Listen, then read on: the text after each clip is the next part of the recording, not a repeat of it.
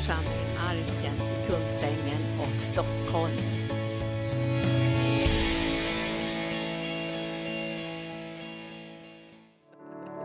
Du är så fantastisk och vi bara, vi bara upphöjer dig och vi tackar dig för att du ska få tala in i våra liv och betjäna oss just nu.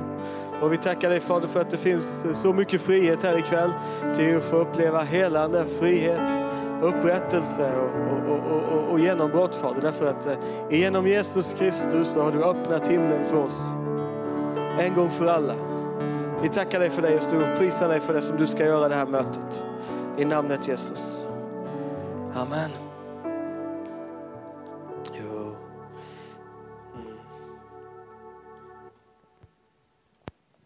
Jo, nej, men det, det är faktiskt sant Torbjörn, du får ta, ta åt dig lite där faktiskt när det gällde att du, det var ju faktiskt du som, som var eh, en, en av mina absolut första eh, mentorer och, och, och har stu, faktiskt ganska stor del i det som vi står i idag så att det tycker jag att du ska verkligen ta till dig. Det eh, betyder jättemycket för mig att få gå bibelskolan här och få jobba med, med, med Torbjörn och flera här i församlingen under, under ett antal år innan vi flyttade upp till norr. Det, det är ju så vet ni att eh, när man finns med i en, i en sån här församling så, så är det ju två saker. Att det, det, du kommer, det kommer alltid finnas utmaningar och det finns alltid problem och sådana saker.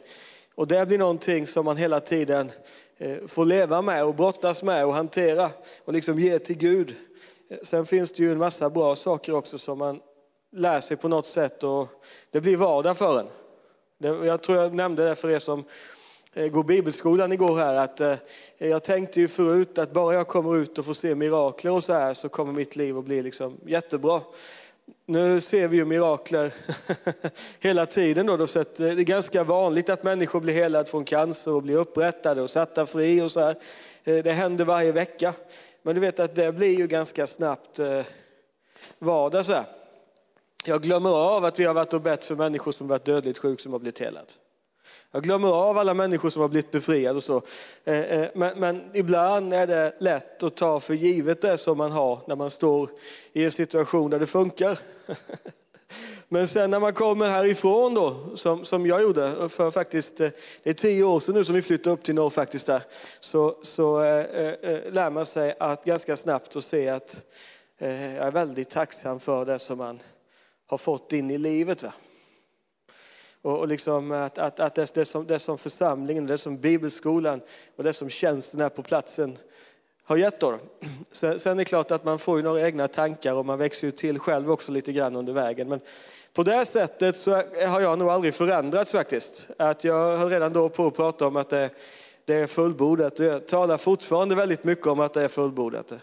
Jag är väldigt glad för att Jesus inte sa att det är nästan fullbordat. Och sen får du pressa, pressa in resten själv. Eller att det är fullbordat i princip. Men det är upp till dig att ta emot det. Eh, eller att du har blivit välsignad i princip.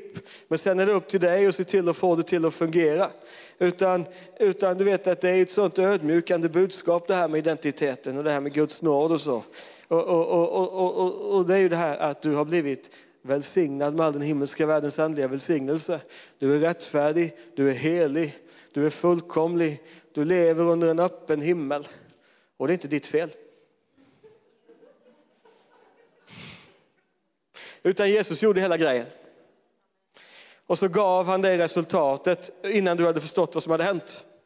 Det gör ju inte att man blir speciellt kaxig, utan det gör ju att man blir ganska ödmjuk. Och, och, och sådär va. Och, och, och, och då eh, vill jag bara liksom att vi ska titta lite grann på egentligen vad vi har blivit inbjudna till i frälsningen idag. För att väldigt ofta när vi talar om korset och vi talar om de här sakerna så talar vi väldigt ofta vad Gud har frälst oss ifrån. Eh, men all dålig teologi bygger ju på att man börjar på fel plats. Och, och en sak som är ganska viktig att komma ihåg, det är att det är bra om du börjar och slutar med Jesus. Alltså frälsningen börjar inte med syndafallet. Det var inte så att Jesus är Guds reaktion på synden. Utan det har alltid varit Guds plan att, att, att allting ska sammanfattas i Jesus Kristus. Att han ska uppfylla allt i alla. Det har alltid varit Guds plan att sätta fokus på Jesus. Och jag ska, vi ska titta på det här nu i Efesierbrevet kapitel 1. Vi kan läsa vers 3 till och med vers 6 först. Här. Och det här är väl egentligen verser som är, speciellt vers 3 här är ju eh, verser som, som vi har hört citeras varje vecka, gjorde jag nästan när jag gick på bibelskolan här på Arken. Och vi har faktiskt hört den idag också citerat här av Torbjörn. Eh, men vi ska läsa till och med vers 6 nu här. Och då står det så här. Att välsignad är vår Herre Jesu Kristi Gud och Fader. Som i Kristus har välsignat oss med all den himmelska världens andliga välsignelse. Liksom han innan världens grund blev lagd har utvalt oss i honom. För att vi skulle vara heliga och fläckfria inför honom. I sin kärlek har han genom Jesus Kristus förutbestämt att vi skulle tas upp som hans barn enligt sin vilja och sitt beslut. För att den härliga nåd som han har skänkt oss i den älskade ska prisas. Så han har välsignat dig med all den himmelska världens andliga välsignelse. Det är liksom, då behöver du inte något mer. Det finns ingenting egentligen som inte du har av välsignelse och, och, och, och liksom, eh, Guds kraft och så. Du har ju Guds rike inom dig och du är så fylld av den helige ande och det är så smord och det är så profetiskt. Vet du. Men ofta så det vi saknar är uppenbarelse. För om inte vi vet att vi har det så spelar det ingen roll att vi har det utan då kan vi leva som om vi inte hade det. Vilket är egentligen ett tillstånd eh, eh, under synden. Va? Eh, men, men, men det är väldigt underbart att bara, bara, bara veta det, att jag är välsignad. Det är, jag har ett nytt liv och jag har bara en ständig kontakt med Gud i Jesus Kristus. Men han har välsignat oss då med all den himmelska världens andliga välsignelse. Och så står det att han innan grund, världens grund blev lagd har utvalt oss i honom för att vi skulle vara heliga och fläckfria inför honom.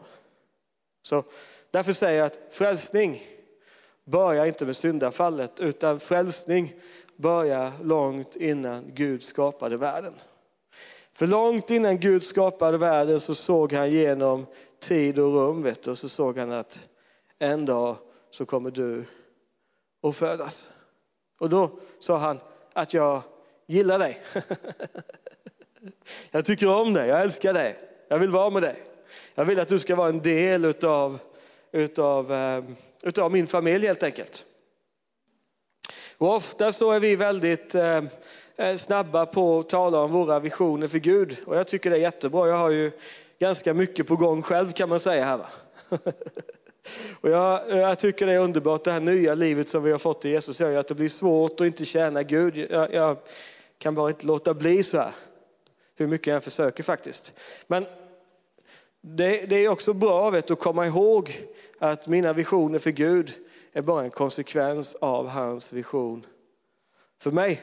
Och därför så kan det vara väldigt bra att gå tillbaka och komma ihåg vad är Guds vision? Det står att vår Gud och Fader, han har välsignat oss med all den himmelska världens andliga välsignelse i Kristus och han har utvalt oss i honom. Hans vision är ju familj. Alltså hans vision är du, att han vill vandra med dig. Leva med dig. Gå med dig. Det har alltid varit hans, hans, eh, hans tanke. Och du vet synden har ju aldrig gjort att Gud har vänt sig bort ifrån dig egentligen. Utan det gjorde att du vände dig bort ifrån Gud. Det var inte Gud som behövde korset egentligen, det var du som behövde korset, eller hur? Korset är ju botemedlet. Det är ju därför vi, vi, vi dricker liksom blodet symboliskt i nattvarden. För att blodet är botemedlet mot den sjukdomen som synden var. Men det är ju så att det finns en aspekt i det här som vi ofta glömmer av och som är ganska viktig egentligen. Jag reser ju mycket i olika länder och i olika kulturer och predikar. Och då möter jag ju ett antal olika religioner och en del av världsreligionerna har jag nog studerat på närmare håll än de flesta faktiskt. Så. jag, har, jag, jag, så jag, jag, har ju, jag har ju levt ihop med radikala muslimer. Och jag har ju läst Koranen i det sammanhanget eh, sex gånger och vi samtalat med, med liksom olika radikala nissar där nere. Och då är det ju så att det är ju en väldigt hädisk tanke i islam att Gud har en son.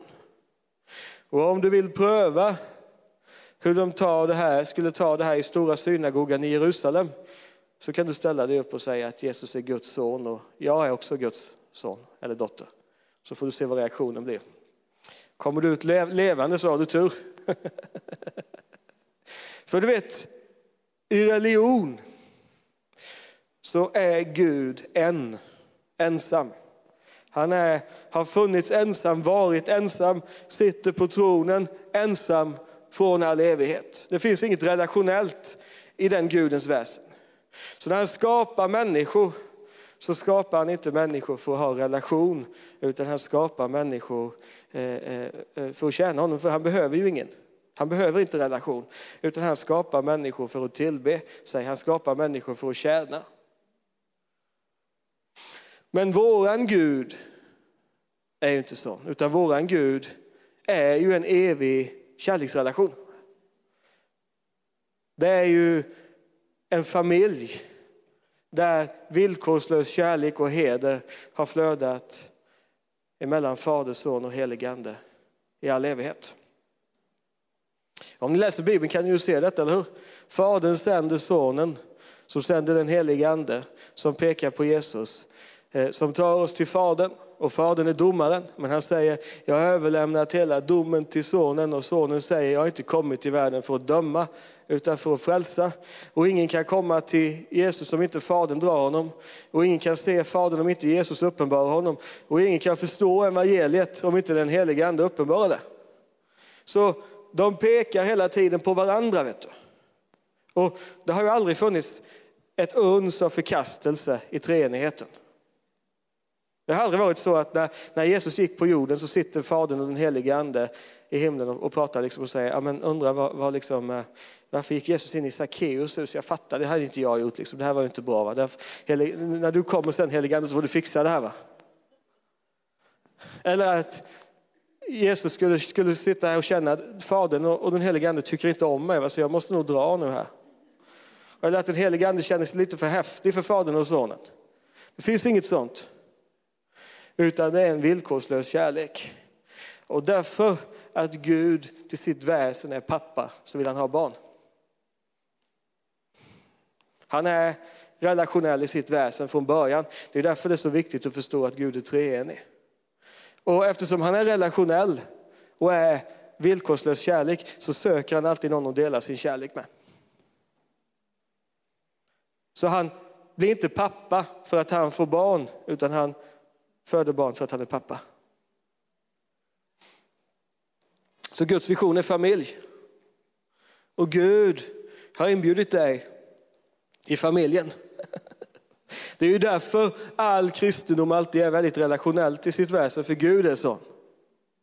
Det är ju därför som eh, inte det alltid är så viktigt för Gud att du förstår allt och kan allt och sådär, att du har koll på allt eh, och att du inte alltid har alla svar.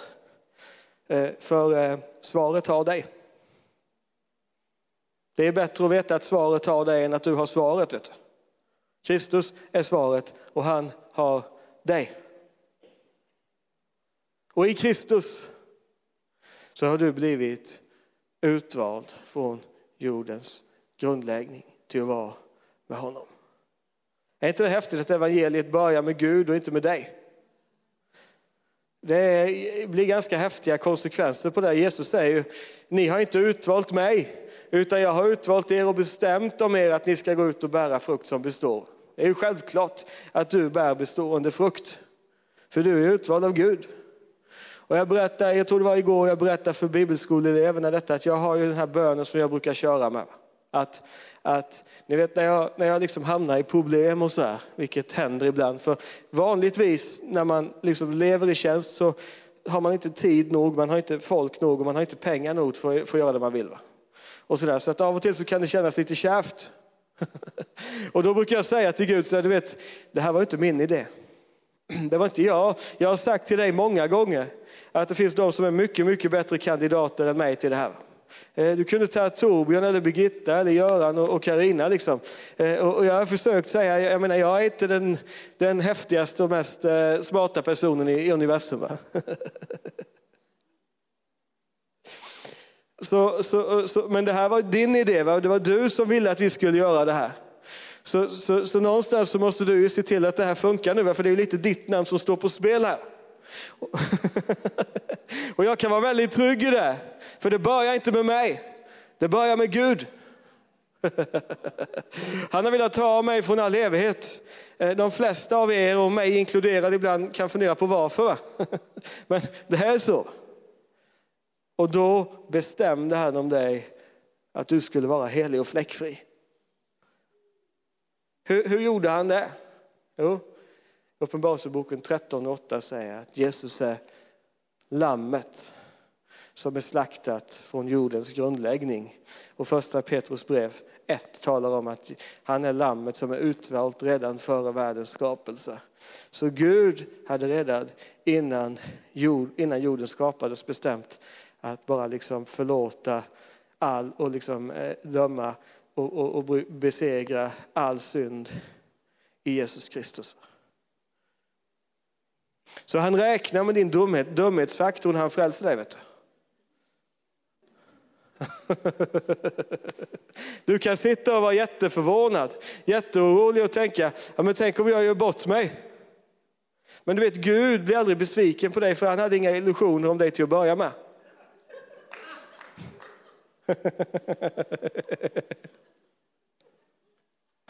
Det var inte så att Gud liksom tänkte, ja men Kristina hon kommer fixa det här. Och så gör du inte det och så tänker Gud, men jag trodde ju att du skulle klara det. Varför gjorde du inte det? Han visste ju att du skulle göra bort det jättemånga gånger, va? precis som, som mig. Och så här. Jag kommer ihåg ibland när jag, när jag satt och diskuterade med Torbjörn, jag hade ju inte bara bra tankar på den tiden. Va? Nej.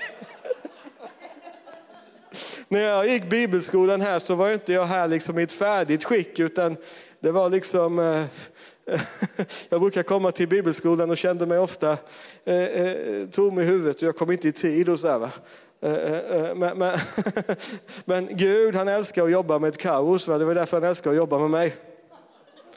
Guds ande svävade över, was hovering over the chaos, svävade över kaoset. och sen talade Gud. Jesus vet du. Det är så underbart att vara frälst alltså.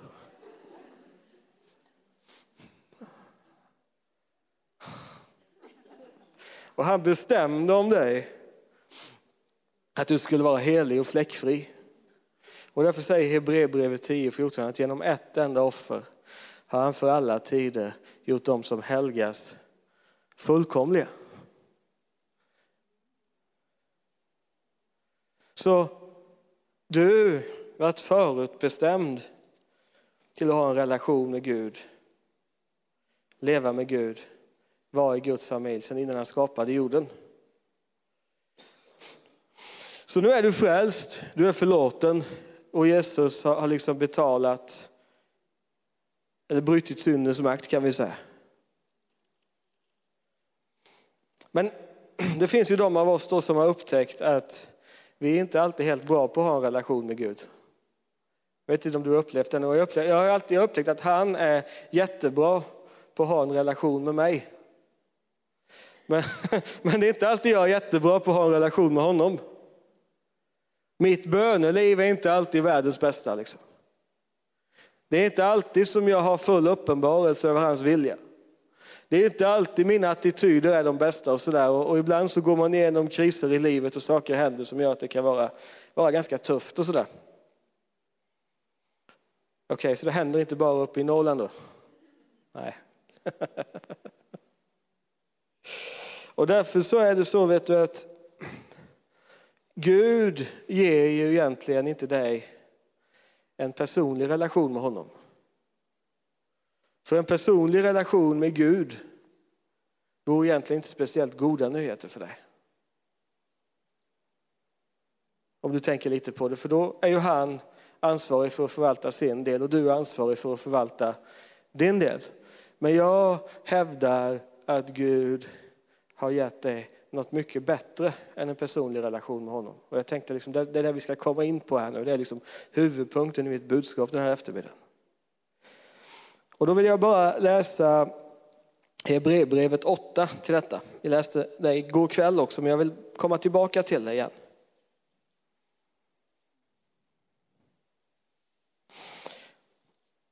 Vers 7 till och med vers 13 egentligen kan vi läsa. Det står så här. Till om det första förbundet hade varit utan brist skulle det inte behövas plats för ett andra. Men Gud förebår dem när han säger, se dagar ska komma, säger Herren, då jag ska sluta ett nytt förbund med Israels hus och med Judahus. Inte ett sådant som jag slöt med deras fäder Eh, den dag jag tog dem vid handen och förde dem ut ur Egyptens land. Eftersom de inte blir kvar i mitt förbund brydde jag mig inte om dem, säger Herren. Detta är det förbund som jag efter denna tid ska sluta med Israels hus, säger Herren. Jag ska lägga mina lagar i deras sinnen och skriva dem i deras hjärtan. Jag ska vara deras Gud och det ska vara mitt folk. Ingen ska längre behöva undervisa sin landsman, ingen sin broder och säga lär känna Herren, ty alla ska känna mig. Från den minste bland dem till den största. Jag ska i nåd förlåta dem deras missgärningar och deras synder ska jag aldrig mer komma ihåg. När han talar om ett nytt förbund har han därmed förklarat att det förra är föråldrat. Men det som blir gammalt och föråldrat är nära att försvinna. Och jag vet ju att när jag säger så här att du egentligen inte har en personlig relation med Gud och så, så tittar för alltid folk på mig så där konstigt som vad menar du nu? Eh, menar du att inte jag ska be och läsa Bibeln och så här? Nej, det är inte det jag säger, utan jag vill säga att du har fått något mycket bättre än en personlig relation med Gud. Så ni, det vi läste i Hebreerbrevet, du har fått ett nytt hjärta. Och i det här hjärtat har han skrivit sin vilja. Och sen säger han att en av välsignelserna i nya förbundet är att de ska alla känna mig, från den minste till den största. Så vad Gud har gjort, det är ju att du är ju i Kristus, eller hur? Och Kristus är i dig. Han är ju din överste präst och din medlare och din frälsare, vet du. Och att du är i Kristus betyder att Fadern har inkluderat dig i Jesu relation med sig själv.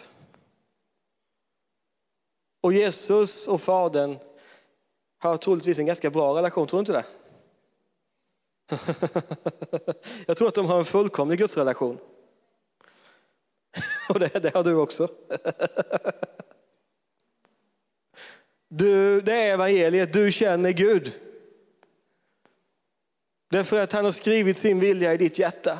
Han har inkluderat dig i livet med sig själv och välsignat dig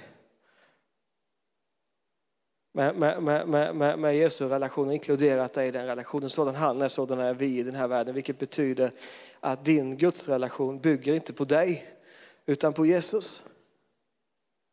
Samma öppna himmel, samma flöde som är mellan Jesus och Fadern är mellan dig och Fadern också. Och, och, och, det här blir ju mycket bättre vet du, än att du ska hålla på och titta på dig själv hela tiden. Jag, jag, möter, jag möter ju så mycket kristna, de kämpar ju med det här hela tiden. Att de, de, de pratar om att vi ska liksom förneka oss själva och glömma bort oss själva. Och så går jag och funderar på hur kan vi glömma bort oss själva om vi har en teologi som handlar om oss hela tiden. Gör det här och det här och det här och det här så blir det bra. Och när du ändå håller på så glöm bort dig själv. Men du, du vet, du var så komplicerad att inte ens Gud kunde hjälpa dig. Så han dödade dig, Jesus Kristus, och reste dig upp från de döda till ett nytt liv. Och så säger han, jag har blivit korsfäst med Kristus, säger Paulus. Och nu lever inte längre jag, utan Kristus lever i mig. Och det liv jag nu lever, lever jag i tron på Guds son. Eller en ännu bättre översättning vore genom Guds sons tro. Det är inte ens din tro som frälser dig egentligen, det är hans tro som frälser dig. Vet du. Därför att det är han som gjorde verket och det är honom du lever. Så det här betyder ju att du har blivit inkluderad liksom i Jesu relation med Fadern. Du, du finns i flödet. vet du.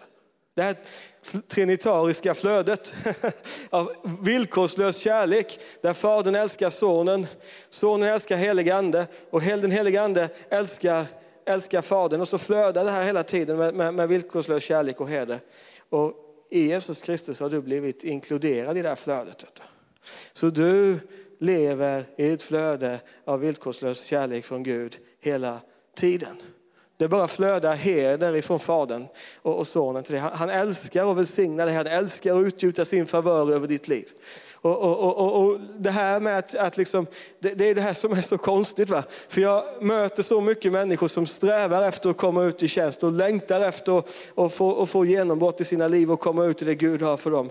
Och, och jag har egentligen aldrig varit speciellt intresserad av att komma ut i tjänst.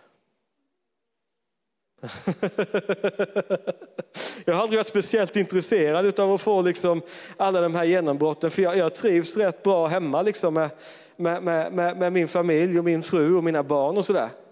Eh, det är ju det Gud älskar familj, han är ju familj själv och sådär, så att han, han älskar ju familjen. Det är bara det att jag är så full av favör vet ni. Att jag kan inte låta bli annat än att dörrarna öppnas för mig. Så bara igår här så var jag tvungen att boka in två nya helger här som vi ska köra, en i Finland och en i Norge och så. Va?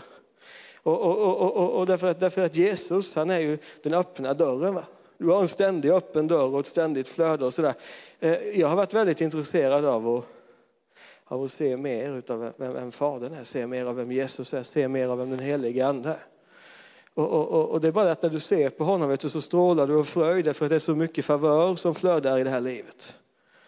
Eh, sen är det ju så här, då kan jag också säga att bara för att du förstår att allt är av nåd så måste du ju inte sluta lovsjunga, läsa Bibeln och be och sådär.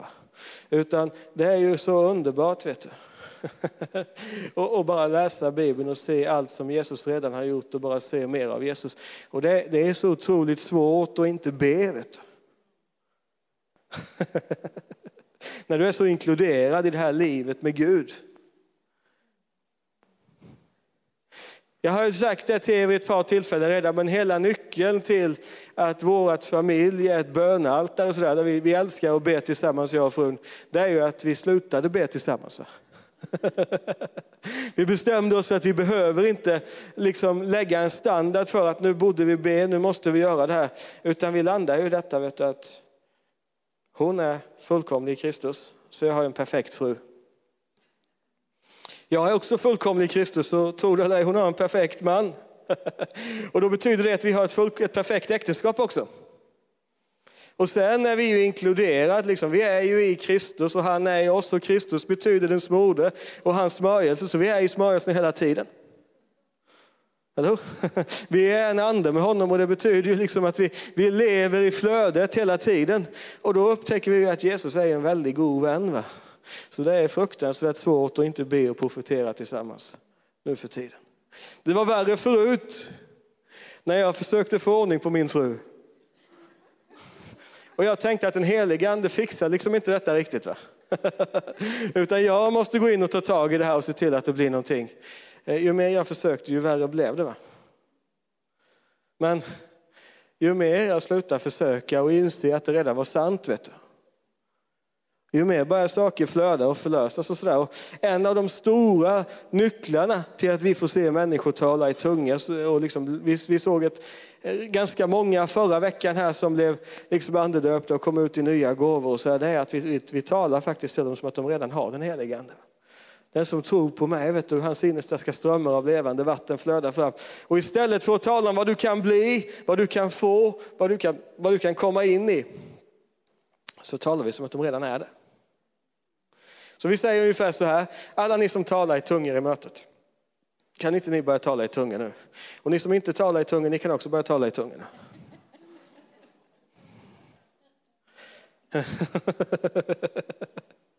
En gång gjorde vi det vet du, i Ryssland på ledarkonferens. Och det var 30-40 stycken som samtidigt började tala i tungor för första gången. Och flera av dem började profetera också, komma ut i, i, i syner och uppenbarelser. När de insåg att de inte behövde kämpa för det längre, så insåg de att de bara kunde ta emot det. Men sen får inte ni missförstå mig, jag älskar bön. Jag älskar att läsa Bibeln. Jag älskar liksom att, att, att gå i förbönstjänst och sådär. Men det är jättebra att be som vi sa igår här. Att du måste, du måste kunna skilja på vad är den gamla och den nya skapelsen. Och så måste du lära dig att oavsett hur ditt liv ser ut så har du inte din identitet och ditt liv i dina sår. Utan du har din identitet i Kristus. För, för jag, vet, jag, vet, ibland att den här undervisningen om identitet och så här, nya förbundet, den kan komma liksom en, e, e, e, en viss kaxighet och så här. Att jag, har, jag har vänner som har sett de här sakerna och de, blir så, de är lite besvikna på det man har kommit ut ur. Och då vill man gärna liksom trycka till. Men jag sa till en av, av mina vänner så här att du vet att det är bra om den som har upplevt nåden beter sig lite nådefullt mot andra människor också. Va? att nåd faktiskt gör att du blir lite mjuk i hjärtat och liksom så här va. Om du är helgad och fullkomlig i Kristus så är det ju bra om folk upplever lite helgat beteende genom ditt liv också, eller hur? Jo. För du vet att eh, det är inte så att det här är någonting som gör det mer liksom, eh, liksom, eh, ironisk och liksom föraktfull mot andra traditioner, utan vi hedrar allt det Gud gör. Och ibland när jag kommer till olika församlingar och predikar, så predikar jag liksom, där, där, där de har en helt annan syn på saker än vad jag har. Eller det, det är olika utmaningar, och olika problem. Det kan hända i en församling att man har utmaningar ibland faktiskt. Eftersom det finns människor där. Va? Men när jag kommer till en församling och predikar så är inte jag intresserad av att gå in och titta på vad finns det för problem här. Va? Är, låt mig se vad det är för fel här. Utan jag vill titta på församlingen och på människor utifrån hur Gud definierar dem. Och du är ju helig och fläckfri, du är ju älskad av Gud. Och det är jättesvårt emot mig, eller jättesvårt för mig att inte behandla dig väl, vet du, för du är, du är ju Kristi brud. Han värderar ju dig så mycket att han återlöste dig med sitt blod. Och det är någonstans, det finns en väldig ödmjukhet i det här med Guds nåd. Det är liksom så, Guds nåd ödmjukar dig och då ödmjukar du dig ännu mer och då får du uppleva ännu mer nåd. Samtidigt så finns det ju bara en sån styrka i det här. När folk, när folk frågar mig liksom, hur, du, hur överlevde du tiden i fängelset? Hur överlevde du de här sakerna som du gick igenom? Så är det egentligen väldigt, väldigt enkelt. Om någon är i Kristus är han en ny skapelse, det gamla är förgånget, något nytt har kommit. Jag och Jesus är en ande. Han har lovat att aldrig lämna mig och aldrig överge mig. Det, är ett ständigt flöde av nåd och välsignelse in i mitt liv oavsett var jag befinner mig i livet. Oh, även om jag står här och predikar, eller jag sitter i fängelse, eller jag har liksom eh, tuffa saker i familjen, för det har man ibland, va? eller allting flödar jättebra, så är det ändå så att jag är helgad, välsignad och lever i Guds favör. Det är också det, är också det här vet du, som gör att du kan leva i mirakler hela tiden. För att vad vi ofta gör, det är att vi missar det Gud vill göra nu. För det är att vi lever så mycket i det som ska komma imorgon. Ändå så liksom, det är, många gånger frågar människor mig, vilken tid är det? Vad är det för stund nu? Vad lever vi för tid? Och jag säger det är jätteenkelt vilken tid vi lever i. Vi lever i den rätta tiden, vi lever, vi lever i frälsningens dag, vi lever i nådens år. Hela tiden. Eh, eh, jag har liksom den här undervisningen vi brukar köra ibland om att i Kristus så är du löst från det här med tider och stunder. För du lever inte efter liksom, eh, eh, gamla testamentets ordning längre. Du, du är inte en, eh, eh ett barn av Isaskar. Isaskars söner står de i Bibeln, att de var väldigt bra på, på att känna till olika tider och stunder och veta vad Herrens folk borde göra.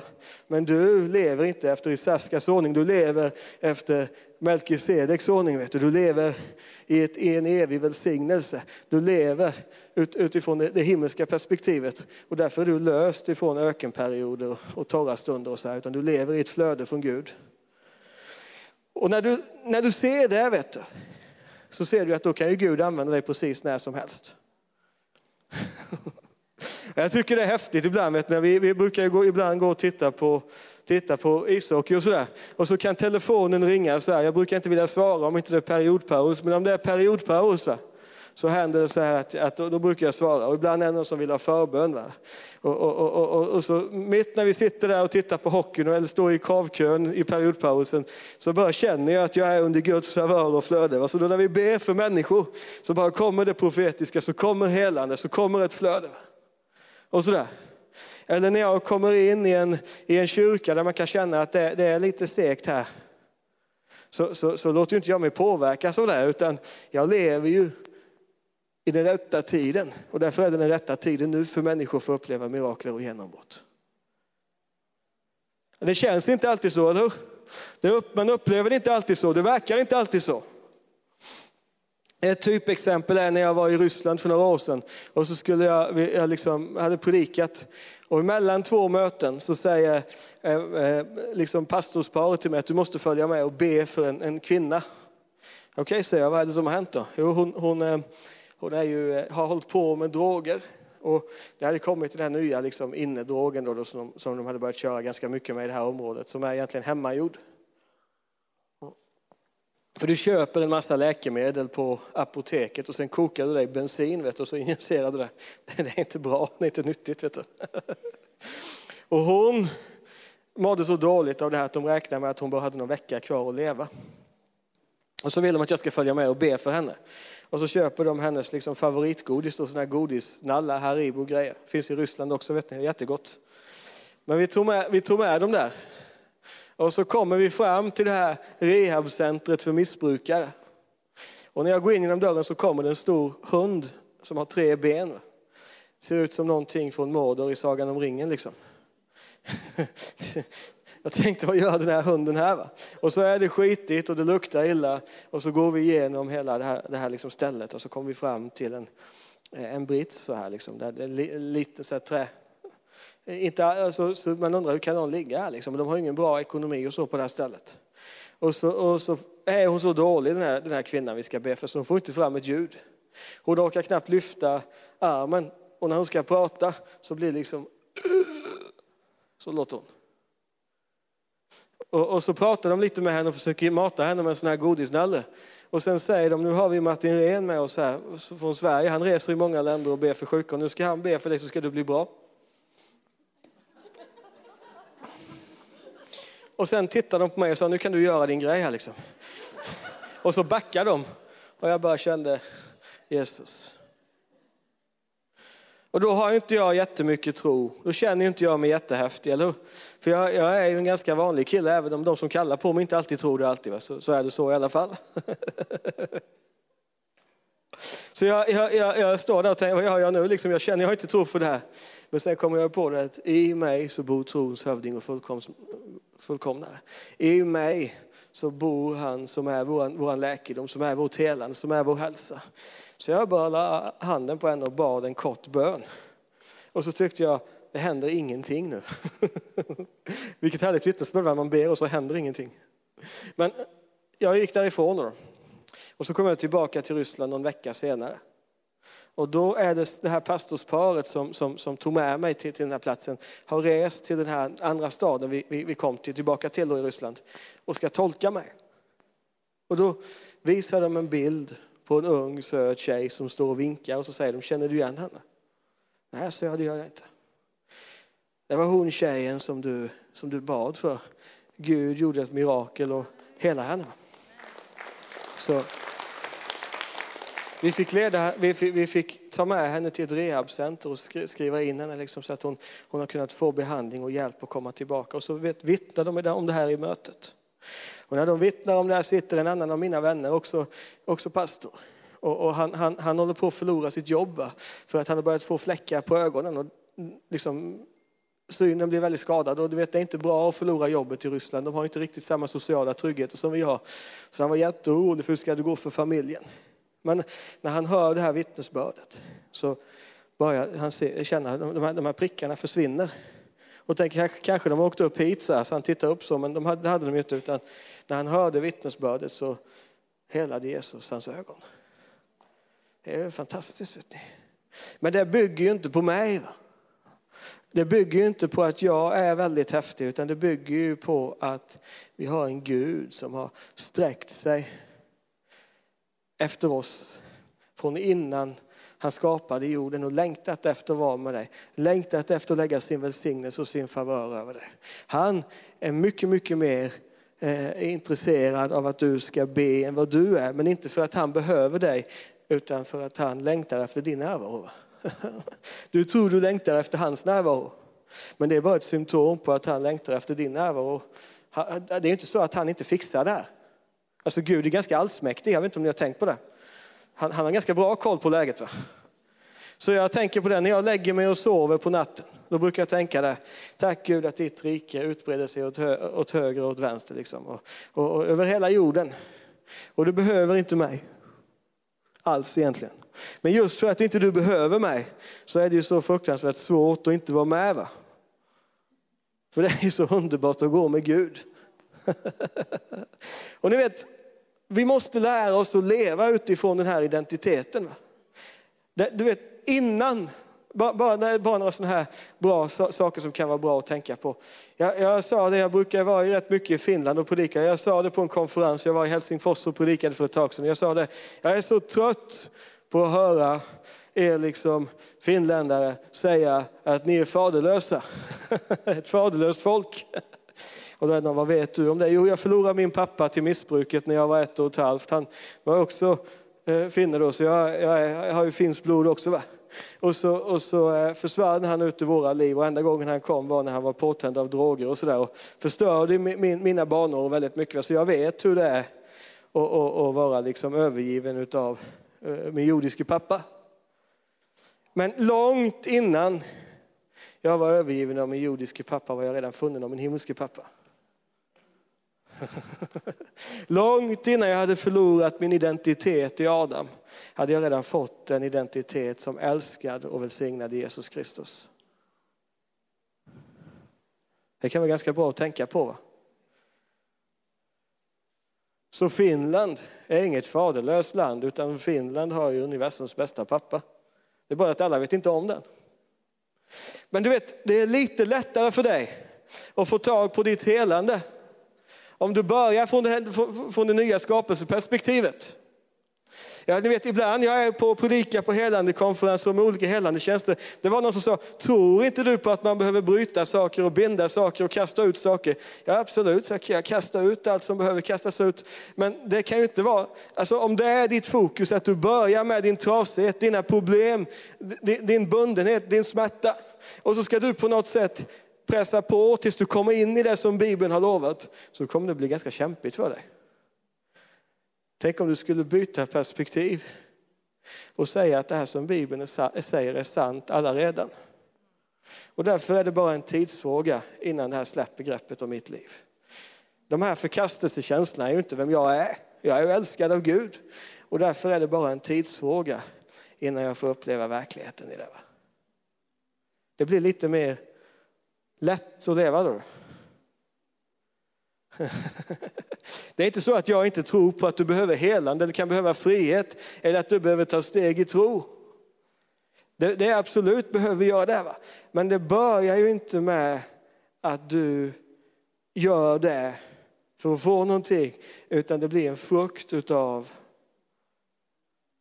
vad, vad, vad Jesus redan har gjort för dig och vem du är i Kristus. Har ni någon gång tänkt på det? Att du måste anstränga dig för att synda i nya förbundet.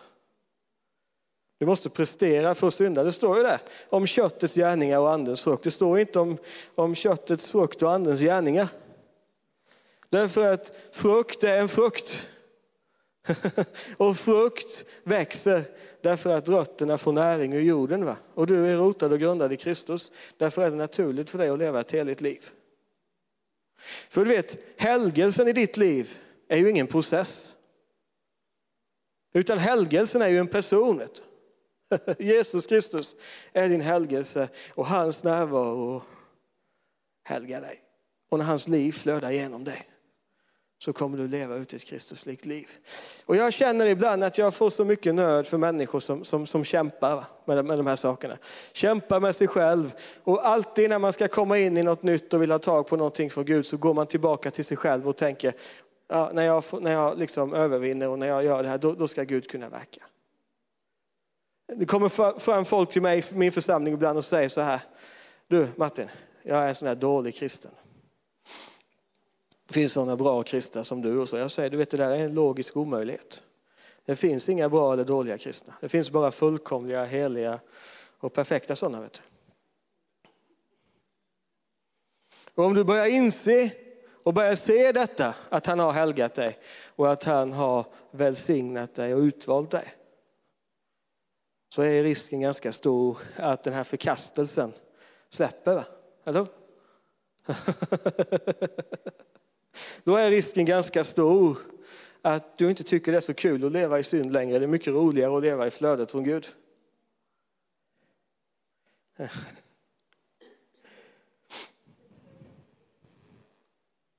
Du vet, eh, det här är ju någonting som man kan kämpa med på något sätt. Jag gjorde det, jag gjorde det väldigt mycket. Jag tänkte liksom kämpa mycket med hur får jag tag på det här? Vad ska jag göra för att det här ska bli sant om mig och sådär. Eh, eh, men jag slappnade av och började inse att det här är sant allaredan. Och börja kunna leva utifrån det. Så blir man ganska fri. Och det är ganska gott att vara löst ifrån sig själv. Vet du. Kan man börja tänka på andra istället. Det är ganska skönt i sitt böneliv att veta hur besegrad djävulen är. När jag började se hur besegrad djävulen är, då tänkte jag, vad ska jag göra nu när jag ber? Helt plötsligt fick jag en massa tid över till att umgås med Jesus. Och så läser vi att han har i sin kärlek genom Jesus Kristus förutbestämt att vi skulle tas upp som hans barn.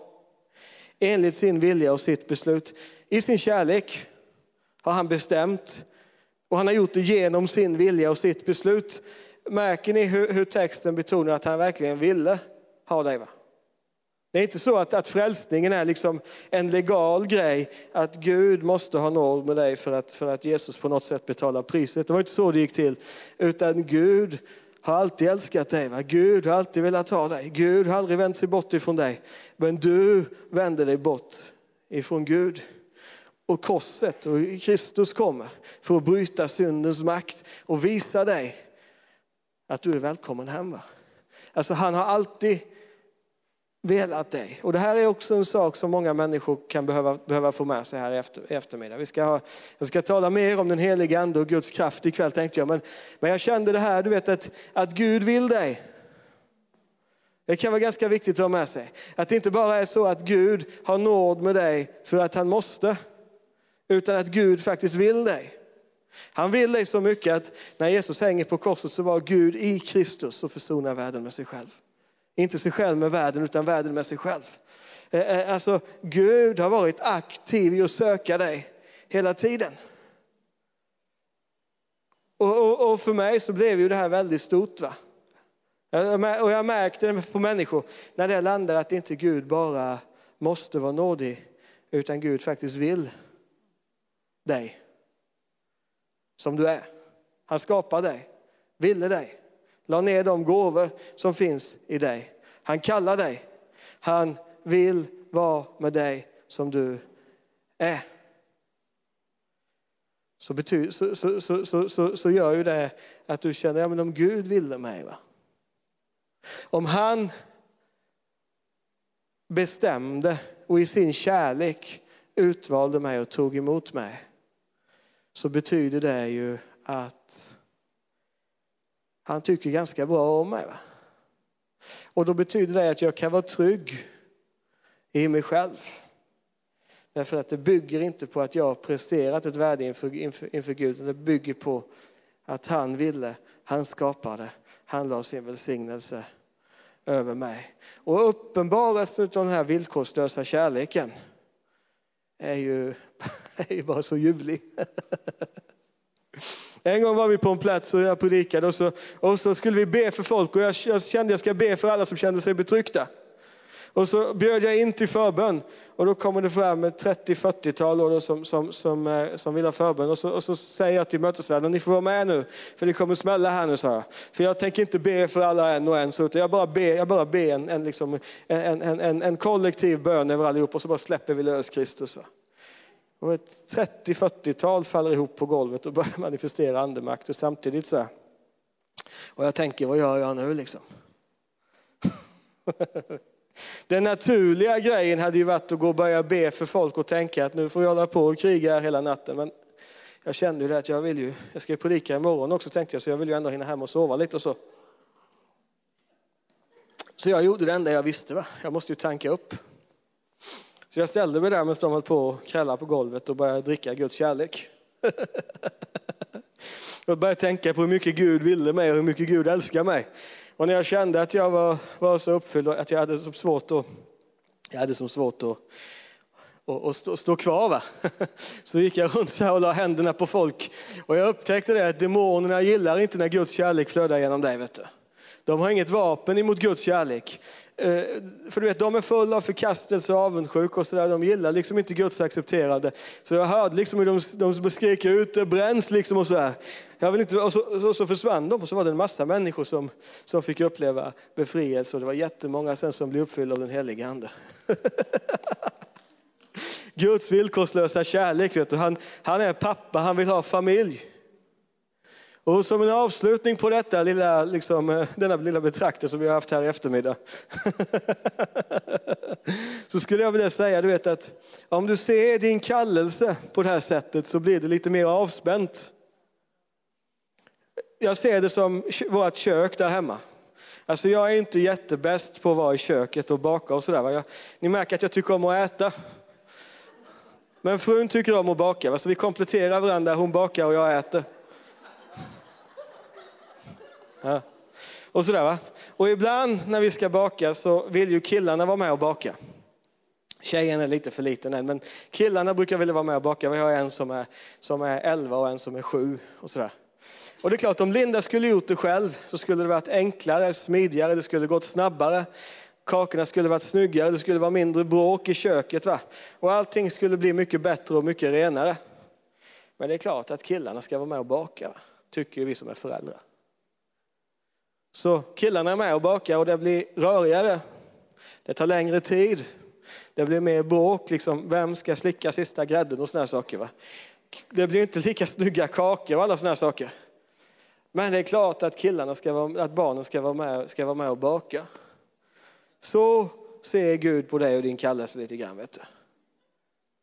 Att om han skulle göra det här själv vet du, så skulle det bli mycket bättre, mycket enklare. Det skulle gå mycket smidigare, det skulle vara mycket mindre bråk mellan liksom syskonen och så här. Va? Men sen är han ju pappa. Och Jesus är ju din liksom storebror och bästa vän. Och så det är klart att han vill ha med dig i baket. Så ser jag på min kallelse. Ja, men det är allvarligt detta med kallelsen, vet du, säger ni kanske. Ja. Det är allvarliga saker det här. Ja, alltså jag har varit både mordhotad och slagen och spottad på för evangeliet, så att jag vet att det kan vara allvarligt. Men en högre verklighet är att vi lever i Guds familj. Och oavsett vad fienden kastar emot oss, så ska du inte låta honom ta den glädjen ifrån dig. Va? Du ska inte ta, låta honom ta barnaskapet ifrån dig, för barnaskapet och det här livet i Kristus är så mycket större och så mycket viktigare än allt annat. Så vi tackar dig just nu Fader för din nåd och din smörjelse. Och vi tackar dig att du är här just nu, att du är... Mm. Du har så mycket nåd med oss. Tack, tack Gud att du, att du bara vill komma och krama om folk just nu. Du vill bara komma och lyfta av den här prestationen och lyfta av de här bördorna. Och bara komma med ny glädje. Tack Gud för att din kärlek bara bryter makten av förkastelse just nu. Bryter makten av skam och skuld och liksom betryck in i människors liv. Tack Fader att du bara visar människor som har kanske upplevt faderlöshet, att de aldrig varit faderlös. Därför du har alltid funnits där och kramat om dem. Du har alltid älskat. Du har även om de har blivit förkastade av sina jordiska föräldrar, så har du alltid utvalt och älskat. Och vi tackar dig Gud för att du kommer med din nåd och sätter fri just nu. Vi tackar dig Gud för att du kommer med din smörjelse och bryter ok och löser ut i frihet just nu. Att du gör allting nytt. I namnet Jesus. Tack för att du har lyssnat. Vill du få del av mer information om församlingen Arken, vår helande tjänst, bibelskola och övriga arbete, gå in på www.radioplay.org.